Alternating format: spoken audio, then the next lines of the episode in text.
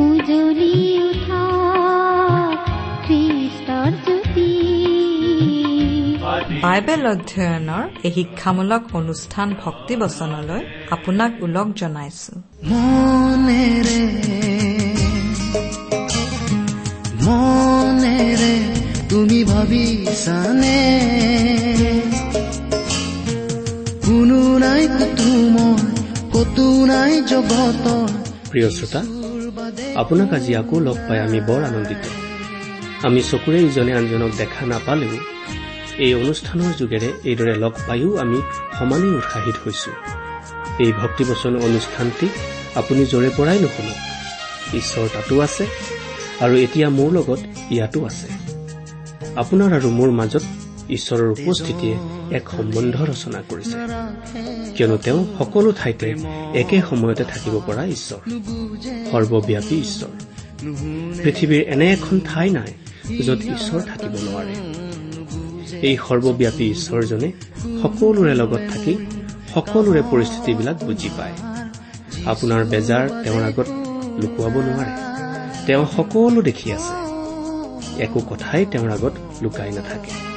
সেয়েহে অন্তৰ খুলি তেওঁৰ আগত গুপুত প্ৰকাশিত সকলো কথা স্বীকাৰ কৰক। চাব তেওঁ আপোনাৰ পৰিস্থিতিবোৰ বেয়াৰ পৰা ভাললৈ সলনি কৰিব। কিয়নো তেওঁ আপোনাৰ মংগল কামনা কৰে। আমিও সেই মংগল কামনাৰে আপোনালৈ এয়া আগবঢ়াইছো ভক্তি বচন লাগে যদি অহাৰে ভৰা পৰিপূৰ্ণ জীৱন গাথা যিচু তেজে দিয়ে পূৰ্ণতা যিচুৰ কথাই চকুলো মুছে যিচুৰ বাদে কোনো নাই তোমাৰ কাহ মনেৰে মনেৰে তুমি ভাবিছানে কোনো নাই কুতুমৰ কতো নাই জগতৰ যিচুৰ বাদে কোনো নাই। কোনো নাই কুতুমৰ কতো নাই জগতৰ যিচুৰ বাদে কোনো নাই। যিচুৰ বাদে কোনো নাই। যিচুৰ বাদে কোনো নাই। আমাৰ মহান ত্ৰাণকৰ্তা প্ৰভু যীশুখ্ৰীষ্টৰ নামত নমস্কাৰ প্ৰিয় শ্ৰোতা। আশা কৰো আপুনি ভালে কুশলে আছে। লগতে এই বুলি আশা কৰিছো যে আপুনি আমাৰ এই ভক্তিবচন অনুষ্ঠানটো নিয়মিতভাৱে শুনি আছে আৰু আমালৈ মাজে সময়ে চিঠি পত্ৰ লিখি আছে। যদিহে লিখা নাই অনুগ্ৰহ কৰি আজি এই দুষাৰিমান চিঠি লিখি পঠিয়াবচোন। আপোনাৰ মতামত দিহা পৰামৰ্শ আদি জনাই। আহকচোন আজিৰ বাইবেল অধ্যয়ন আৰম্ভ কৰাৰ আগতে খন্তেক প্ৰাৰ্থনাত মূৰ্ণত কৰো হওক। আমি প্ৰাৰ্থনা কৰো। স্বৰ্গত থকা অসীম দয়ালু কৰুণাময় পিতৃ ঈশ্বৰ তোমাক ধন্যবাদ জনাইছো। কিয়নো তুমি আমাক আকৌ এটা নতুন দিন দেখিবলৈ দিছা আৰু তোমাৰ বাক্যৰ যোগেৰে তোমাৰ মাত শুনিবলৈ আকৌ এটা সুযোগ দিছা। তোমাৰ বাক্যৰ নিগূঢ় তত্ব তুমি আমাক বুজাই দিয়া তোমাৰ স্পষ্ট মাত আমাক শুনিবলৈ দিয়া আমাৰ মৰমৰ শ্ৰোতাসকলৰ জীৱনত তোমাৰ আশীৰ্বাদ উপচাই দিয়া। কিয়নো এই প্ৰাৰ্থনা আমাৰ মহান ত্ৰাণকৰ্তা মৃত্যুঞ্জয় প্ৰভু যীশুখ্ৰীষ্টৰ নামত আগবঢ়াইছো। আমেন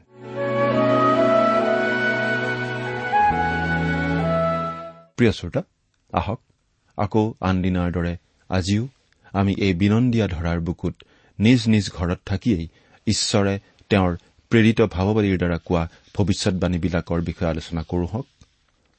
অৱশ্যে ইয়াত যিবোৰ ভৱিষ্যৎবাণীৰ বিষয়ে আমি পাম তাৰ বেছিভাগেই ইতিমধ্যে সিদ্ধ হৈ গৈছে।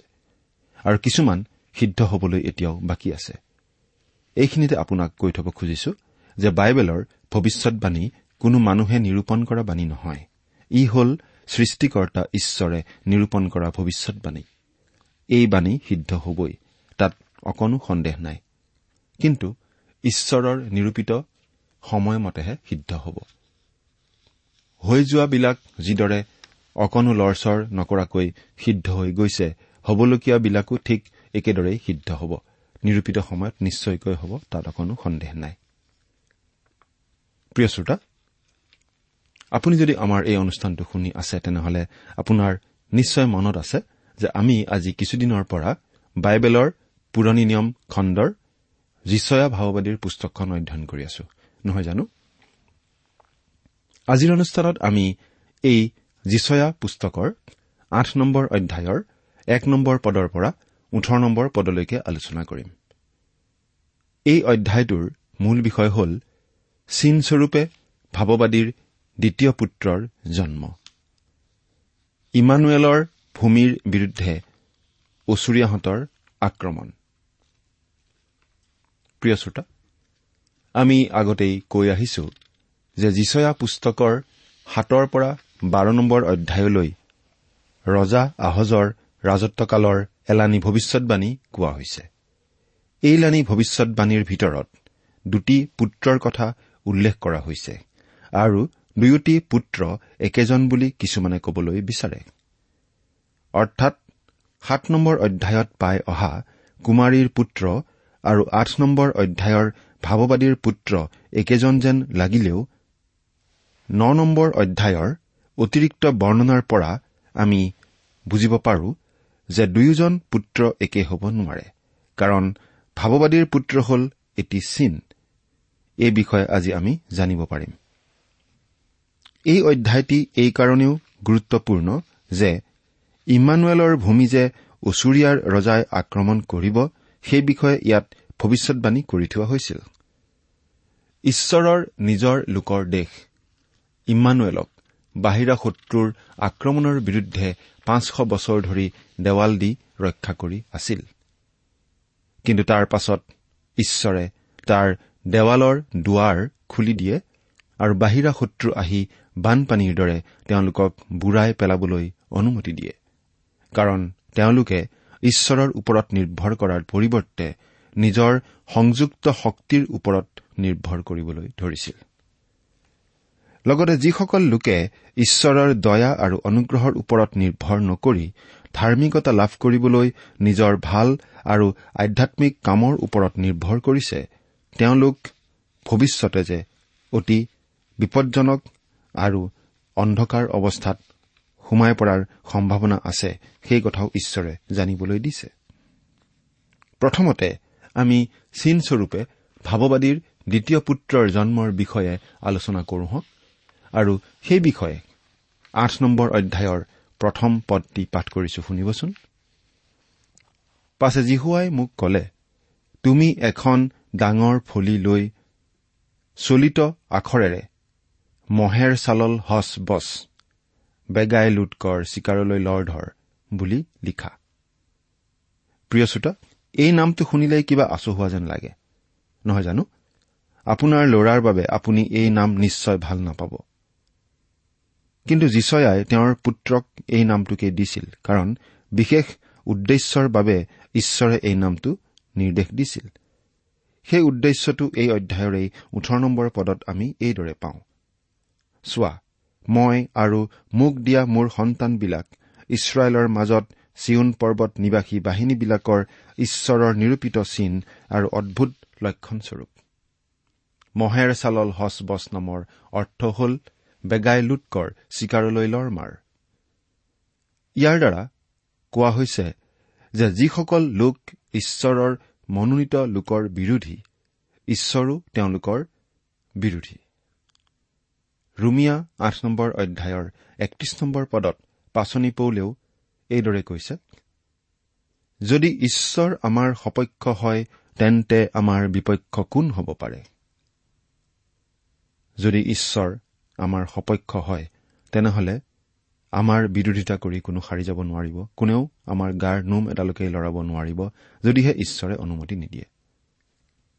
এই নামৰ অৰ্থৰ দ্বাৰা ৰাজত্বত থকা ৰজা আহজকো সাৱধান কৰি দিয়া হৈছে। কাৰণ আহজ ঈশ্বৰক নমনা লোক আছিল আৰু সেইকাৰণে ঈশ্বৰে তেওঁক শিক্ষা দিব বিচাৰিছিল। সেইকাৰণে ঈশ্বৰে যিচয়াক এই নামটো এখন ফলিত লিখি মানুহৰ চকুত পৰা ঠাইত আঁৰি থবলৈ কৈছিল যাতে যিকোনো মানুহে এই নামটো দেখি পঢ়িব পাৰে আৰু বুজিব পাৰে। এতিয়া দুই নম্বৰ পদটো শুনিবচোন। পাঠ কৰি দিছো। আৰু মই প্ৰমাণৰ অৰ্থে উৰিয়া পুৰোহিত আৰু জিবেৰেমিয়াৰ পুত্ৰ জখৰীয়া জখৰীয়া এই দুজন বিশ্বাসী সাক্ষী ল'ম। প্ৰিয় শ্ৰোতা উৰিয়াৰ অৰ্থ হ'ল ঈশ্বৰ মোৰ পোহৰ। জখৰীয়াৰ অৰ্থ হ'ল ঈশ্বৰে সোঁৱৰণ কৰে।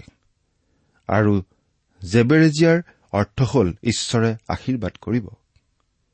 এই আটাইকেইটা নামে এক ঈশ্বৰৰেই সাক্ষ্য বহন কৰি কৈছে যে ভৱিষ্যত বংশধৰৰ দ্বাৰা ঈশ্বৰ আমাৰ পোহৰ হ'ব আমাক আশীৰ্বাদ কৰিব আমাক কেতিয়াও নাপাহৰিব আৰু আমাক অনুগ্ৰহ কৰিব। প্ৰিয় শ্ৰোতা যীচয়াই যি যি কাম কৰিছিল আৰু যি যি লিখিছিল তাৰ দ্বাৰা মানুহক এটা শিক্ষা দিয়া হৈছিল। যীচয়া পুস্তকখন হ'ল দৃষ্টান্তৰ ছবিৰ দৰে। আমাৰ প্ৰভু যীশুৱেও এই পদ্ধতিটো ব্যৱহাৰ কৰিছিল মানুহক শিক্ষা দিবৰ সময়ত। তেওঁ নানান দৃষ্টান্ত ব্যৱহাৰ কৰি জটিল কথাকো সৰলভাৱে মানুহক বুজাইছিল। কাৰণ ছবিয়ে মানুহৰ চকু আকৰ্ষণ কৰে। আমি মানুহবিলাকেও ৰেডিঅ' শুনাতকৈ টিভি চাবলৈ ভাল পাওঁ কাৰণ তাত আমি ছবিবিলাক দেখা পাওঁ। এতিয়া তিনি নম্বৰ পদটো শুনিবচোন। পাছে মই ভাৱবাদিনীত গমন কৰিলত তেওঁ গৰ্ভৱতী হৈ এটি পুত্ৰ প্ৰসৱ কৰিলে।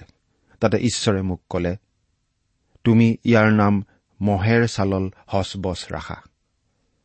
এই পদটিত ভাৱবাদিনী মানে জীচয়াৰ ভাৰ্যা শ্ৰীমতী জীচয়াৰ কথাকেই কোৱা হৈছে।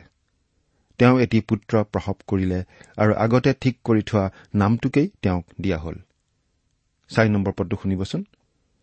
কিয়নো ল'ৰাটিয়ে আই বোপাই বুলি মাতিবলৈ নৌ জানোতেই দম্মেচকৰ ধন সম্পত্তি আৰু চমৰীয়াৰ লুটদ্ৰব্য অচুৰৰ ৰজাৰ আগে আগে বৈ নিয়া হ'ব। ইয়াত কোৱা হৈছে যে সেই সন্তানটিয়ে মা আৰু দেউতা বুলি মাতিব পৰা হোৱাৰ আগতেই অচৰীয়াসকলে দম্মেচক আৰু চমৰীয়া আক্ৰমণ কৰি তাৰ ধন সম্পত্তি লৈ যাব আৰু মানুহবিলাকক বন্দী কৰি লৈ যাব। এই সকলো ৰজাৰ শক্তিৰ কাৰণে নহয় কিন্তু ঈশ্বৰৰ ইচ্ছা অনুসৰিহে হ'ব। পাঁচ নম্বৰ পদৰ পৰা সাত নম্বৰ পদলৈ পঢ়ি দিছো শুনিব? পাছে ঈশ্বৰে মোক আকৌ এবাৰ কলে এই জাতিয়ে ধীৰে ধীৰে বৈ যোৱা চিলোহৰ পানী অগ্ৰাহ্য কৰি ৰচিন আৰু ৰমলীয়াৰ পুতেকৰ বিষয়ে আনন্দ কৰিছে। এইকাৰণে চোৱা প্ৰভুৰ নদীৰ প্ৰবল আৰু প্ৰচুৰ জলসমূহ স্বৰূপে অচুৰীয়া ৰজা আৰু তেওঁৰ সকলো প্ৰতাপ তেওঁবিলাকৰ ওপৰলৈ আহিব। সি বাঢ়ি বাঢ়ি আটাই খাল পূৰ কৰিব আৰু গোটেই পাৰৰ ওপৰেদি বাগৰি যাব। প্ৰিয় শ্ৰোতা এই পদকেইটি মন কৰিবলগীয়া কাৰণ ইয়াত চিলোহৰ পানীৰ দ্বাৰা ঈশ্বৰে দান কৰা শান্তিক বুজোৱা হৈছে। এই পানী ধীৰে ধীৰে বৈ থকা নিজৰাৰ পানীৰ দৰে। কিন্তু তেওঁলোকে এই পানী অগ্ৰাহ্য কৰা হেতুকে প্ৰবল আৰু প্ৰচুৰ পানীৰ ঢৌ আহিল।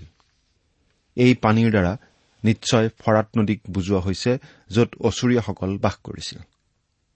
আন কথাত কবলৈ গ'লে ফৰাত নদীৰ প্ৰবল পানীৰ দ্বাৰা আহিবলগীয়া ঈশ্বৰৰ সুধবিচাৰকেই বুজোৱা হৈছে আৰু চিলোহৰ দ্বাৰা ঈশ্বৰে দান কৰা পৰম শান্তিৰ কথা বুজোৱা হৈছে। এই দুটা নদীৰ দ্বাৰা ঈশ্বৰে আমাক এটি ডাঙৰ শিক্ষা দিছে। প্ৰকৃতিৰ ফালৰ পৰাও চিলোহ এটি ধীৰে ধীৰে বৈ থকা সৰু নদী। জীচয়াৰ দিনত ইয়াৰ গুৰুত্ব অতি বেছি আছিল। জৈতুন পৰ্বত আৰু চিনয় পৰ্বতৰ মাজেৰে ই বৈ গৈছে। ইয়াৰো এটি বিশেষ অৰ্থ আছে। আপুনি অনুগ্ৰহ কৰি শুনিবচোন। জৈতুন পৰ্বত হ'ল অনুগ্ৰহৰ চিন আৰু চিনয় পৰ্বত হ'ল মুচিৰ বিধান দিয়া চিন। মুচিয়ে এই পৰ্বততেই ঈশ্বৰৰ পৰা দহাজ্ঞা পাইছিল। আকৌ মৰিয়া পৰ্বত হ'ল য'ত অব্ৰাহামে নিজ পুত্ৰ ইছাকক উৎসৰ্গা কৰিবলৈ লৈছিল আৰু ডায়ুদে আৰোণৰ পৰা মৰণা মৰা খলাটো কিনি লৈছিল আৰু সেই খলাটোতেই চলোমনে পবিত্ৰ মন্দিৰ নিৰ্মাণ কৰিছিল। আকৌ এই পৰ্বতৰ নামনিত আছে গলগথা য'ত যীশুখ্ৰীষ্টক এসময়ত ক্ৰুচবিদ্ধ কৰা হৈছিল। যীশুখ্ৰীষ্টৰ ক্ৰুচীয় মৃত্যুৰ দ্বাৰা ঈশ্বৰে জগতক অনুগ্ৰহ দেখুৱাইছিল। কাৰণ যীশুখ্ৰীষ্টই সকলো মানুহৰ পাপৰ শাস্তি নিজৰ গাত লৈ সকলো মানুহৰ হৈ সেই পাপৰ শাস্তি বহন কৰিছিল যাতে তেওঁত বিশ্বাস কৰি মানুহে পাপৰ প্ৰায়চিত্ৰ লাভ কৰি পৰিত্ৰাণ পাব পাৰে। এয়া ঈশ্বৰৰ এটা অনুগ্ৰহৰ দান। মৰিয়া পৰ্বতত উৎসৰ্গাৰ বাবে ঈশ্বৰে নিজে এটা মেৰ পোৱালি প্ৰস্তুত কৰিছিল। আৰু সেই মেৰ পোৱালিটো ইছাকৰ সলনি বলি দিয়া হৈছিল। আৰু সেই মেৰ পোৱালীয়ে আচলতে প্ৰভু যীশুৰ কথাকেই বুজাইছিল। মানুহৰ পৰিত্ৰাণৰ কাৰণে মানুহৰ হৈ যে ঈশ্বৰে এটা মেৰ পোৱালি যোগাব সেই কথাটো ঈশ্বৰে তেতিয়াই বুজাই দিছিল। ঈশ্বৰে অব্ৰাহামৰ পুত্ৰক ৰক্ষা কৰিছিল কিন্তু অব্ৰাহামৰ পুত্ৰক ৰক্ষা কৰিবলৈ নিজৰ পুত্ৰকেই বলি দিছিল। এৰা মানুহৰ প্ৰতি ঈশ্বৰৰ কেনে প্ৰেম কেনে অনুগ্ৰহ সেই কথা আমি আচলতে বাৰে বাৰে চিন্তা কৰি চোৱা উচিত আৰু ঈশ্বৰক ধন্যবাদ দিয়া উচিত। আৰু সেই প্ৰেম অনুগ্ৰহৰ যি বৰ প্ৰভু যীশুৰ যোগেৰে আমালৈ আগবঢ়াইছে ধন্যবাদেৰে কৃতজ্ঞতাৰে সেই বৰ আমি গ্ৰহণ কৰা উচিত। যি কি নহওক নদী আৰু পৰ্বতৰ দৃষ্টান্তৰে যিচয়াৰ দ্বাৰা ঈশ্বৰে অনুগ্ৰহৰ কথা আহজক কৈছিল আৰু তেওঁ সেই কথা শুনা হলে ৰক্ষা পালেহেঁতেন। ঠিক একেদৰে প্ৰভু যীশুখ্ৰীষ্টৰ যোগেদি ঈশ্বৰে আমালৈ অনুগ্ৰহ আগবঢ়াইছে। আমি যদি এই অনুগ্ৰহ গ্ৰহণ কৰো তেন্তে ৰক্ষা পাম। নহলে ৰক্ষা পোৱাৰ আন কোনো উপায় নাই। এতিয়া আঠ নম্বৰ পদটো পাঠ কৰি দিম। শুনিবচোন। আৰু সি বেগেৰে গৈ জিহুদা দেশত সোমাবগৈ। সি ওফন্দি বাঢ়ি বাঢ়ি তাৰ মাজেদি যাব। সি ডিঙিলৈকে উঠিব। হে ইম্মানুৱেল তাৰ দেউকাৰ বিস্তাৰে তোমাৰ দেশৰ প্ৰস্থ জুৰিব। প্ৰিয় শ্ৰোতা ইয়াত কোৱা হৈছে যে ঈশ্বৰে ওচৰীয়াসকলক জিহুতা দেশ অধিকাৰ কৰিবলৈ অনুমতি দিব কিন্তু জিৰচালেম অধিকাৰ কৰিবলৈ হলে নিদিয়ে। বাৰু যিসকল লোকে ঈশ্বৰৰ ওপৰত নিৰ্ভৰ নকৰি নিজৰ সংযুক্ত শক্তিৰ ওপৰত নিৰ্ভৰ কৰিছিল তেওঁলোকৰ বিৰুদ্ধে ঈশ্বৰে কি কৈছিল? সেই বিষয়ে আমি এতিয়া শুনো হওক।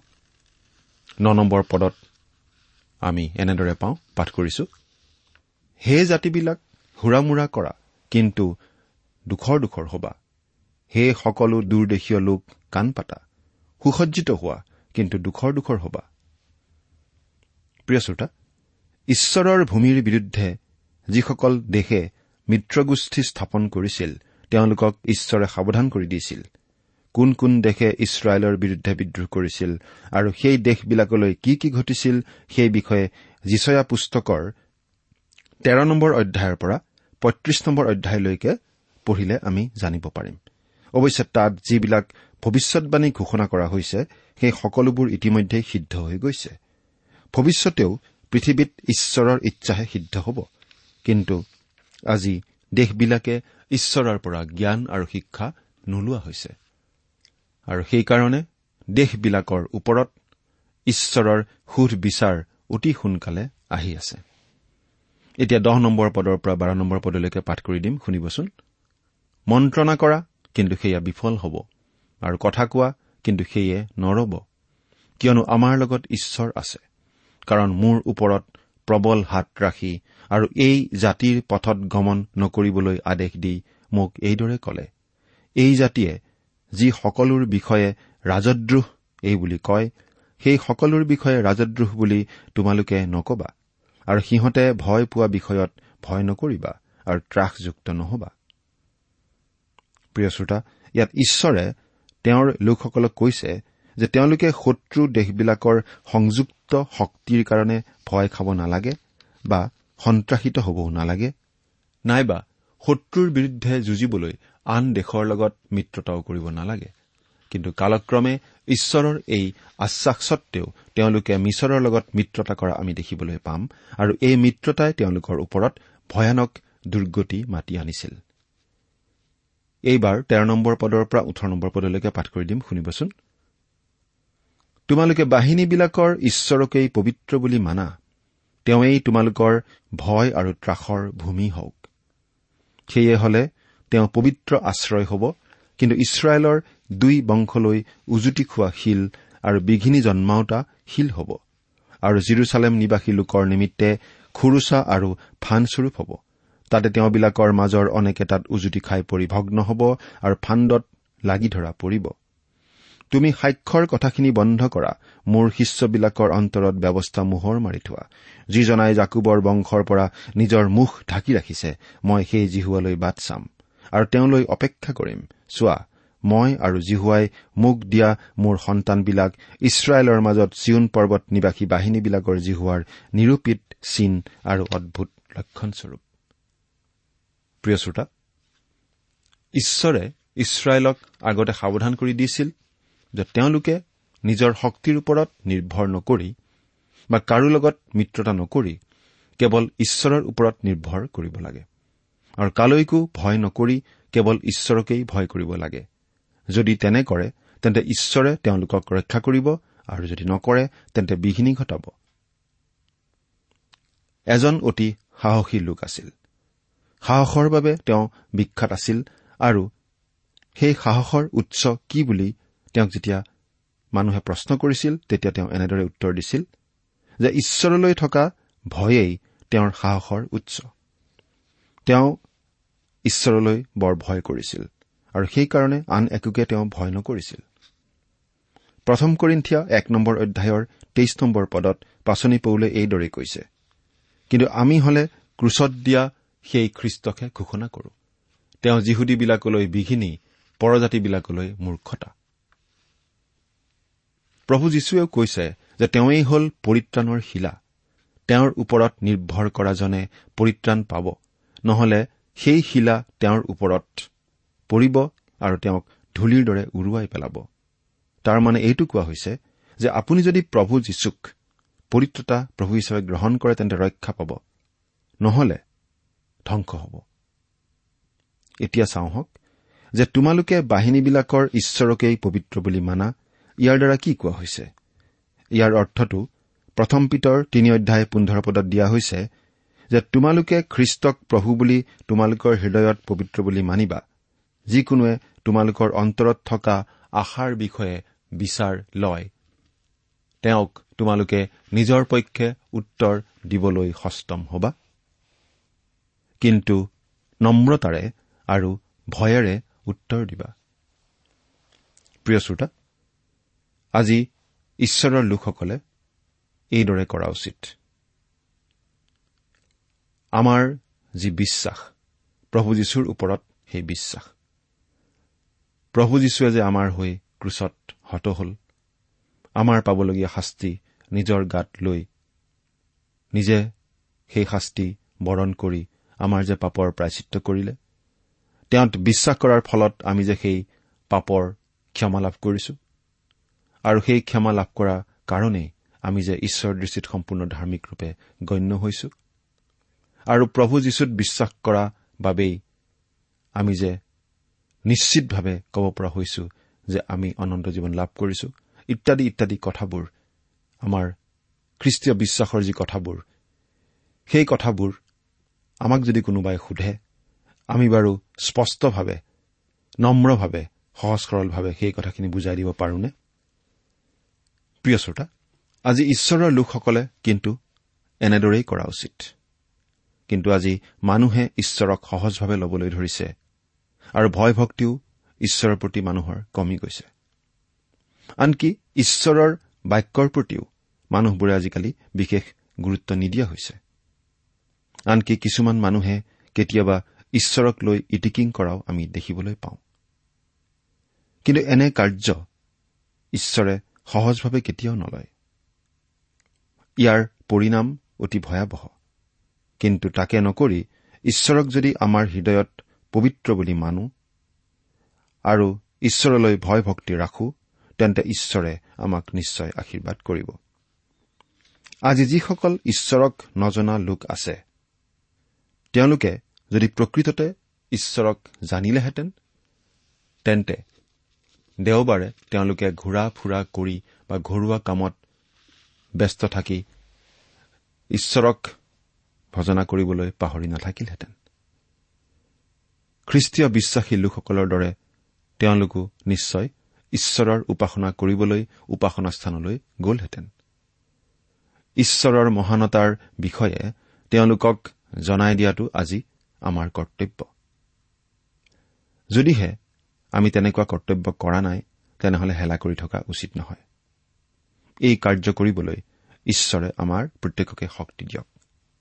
প্ৰিয় শ্ৰোতা প্ৰভু যীশুৰ বাক্য সহজ সৰলভাৱে বুজাই দিয়াৰ দায়িত্ব প্ৰভু যীশুৱে আমাৰ ওপৰতেই অৰ্পণ কৰিছে। যদি কোনোবাই প্ৰভু যীশুৰ শুভবাৰ্তা শুনা নাই তেনেহলে তাৰ বাবে আমিয়েই দোষী কিয়নো আমি সেই দায়িত্ব পালন কৰাত ব্যৰ্থ হৈছো বা অৱহেলা কৰিছো। আমি প্ৰত্যেকেই নিজৰ নিজৰ বিষয়ে চিন্তা কৰি চোৱা উচিত। আমি অৱহেলা কৰি আছো নে সেই দায়িত্ব পালন কৰি আছো? প্ৰিয় শ্ৰোতা আজিৰ অনুষ্ঠানত আমি যিচয়া পুস্তকৰ আঠ নম্বৰ অধ্যায়ৰ এক নম্বৰ পদৰ পৰা ওঠৰ পদলৈকে আলোচনা কৰিলো।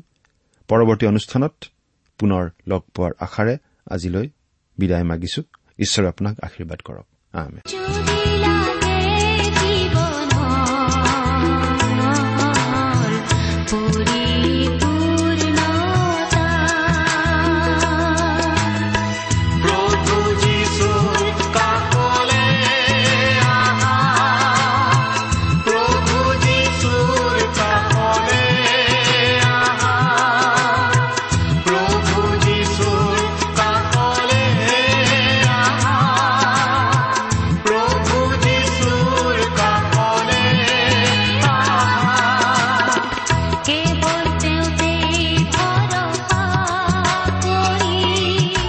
শ্ৰোতা ইমান পৰে আপুনি বাইবেল শাস্ত্ৰৰ পৰা ঈশ্বৰৰ বাক্য শুনিলে। এই বিষয়ে আপোনাৰ মতামত জানিবলৈ পালে আমি নথৈ আনন্দিত হ'ম। আমি প্ৰস্তুত কৰা বাইবেল অধ্যয়নৰ চিডিসমূহ পাব বিচাৰিলে আৰু অনুষ্ঠানত প্ৰচাৰ কৰা কোনো কথা বুজিব লগা থাকিলেও আমালৈ লিখক। আমাৰ যোগাযোগৰ ঠিকনা ভক্তিবচন ট্ৰান্সপল ৰেডিঅ' ইণ্ডিয়া ডাক বাকচ নম্বৰ সাত শূন্য গুৱাহাটী সাত আঠ এক শূন্য শূন্য এক। ঠিকনাটো আকৌ এবাৰ কৈছো ভক্তিবচন ট্ৰান্স ৱৰ্ল্ড ৰেডিঅ' ইণ্ডিয়া ডাক বাকচ নম্বৰ সাত শূন্য গুৱাহাটী সাত আঠ এক শূন্য শূন্য এক। আমাৰ ইমেইল এড্ৰেছটো হৈছে Assamese T TV at the rate radio' eight eight two dot com. আমাৰ website W W W dot T W R dot in. জীৱনৰ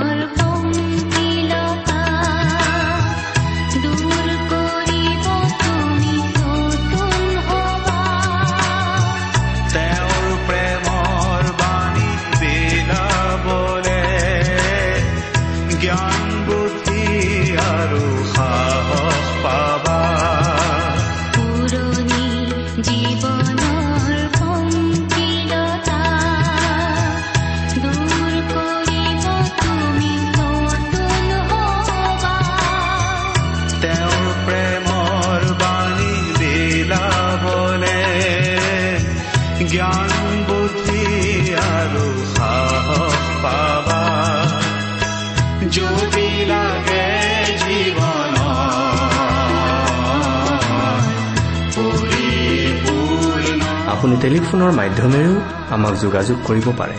আমাৰ টেলিফোন নম্বৰটো হৈছে nine eight five four zero' four zero' eight eight nine. Phone নম্বৰটো আকৌ এবাৰ কৈছো ন আঠ পাঁচ চাৰি শূন্য চাৰি শূন্য আঠ আঠ ন। আপুনি এই ভক্তিবচন অনুষ্ঠানটি আমাৰ website W W W dot radio' eight eight two dot কমতো শুনিব পাৰিব। আজিৰ অনুষ্ঠানটি ইমানতেই সামৰিছো। ঈশ্বৰৰ শান্তি আৰু অনুগ্ৰহ আপোনাৰ লগত থাকক। ধন্যবাদ।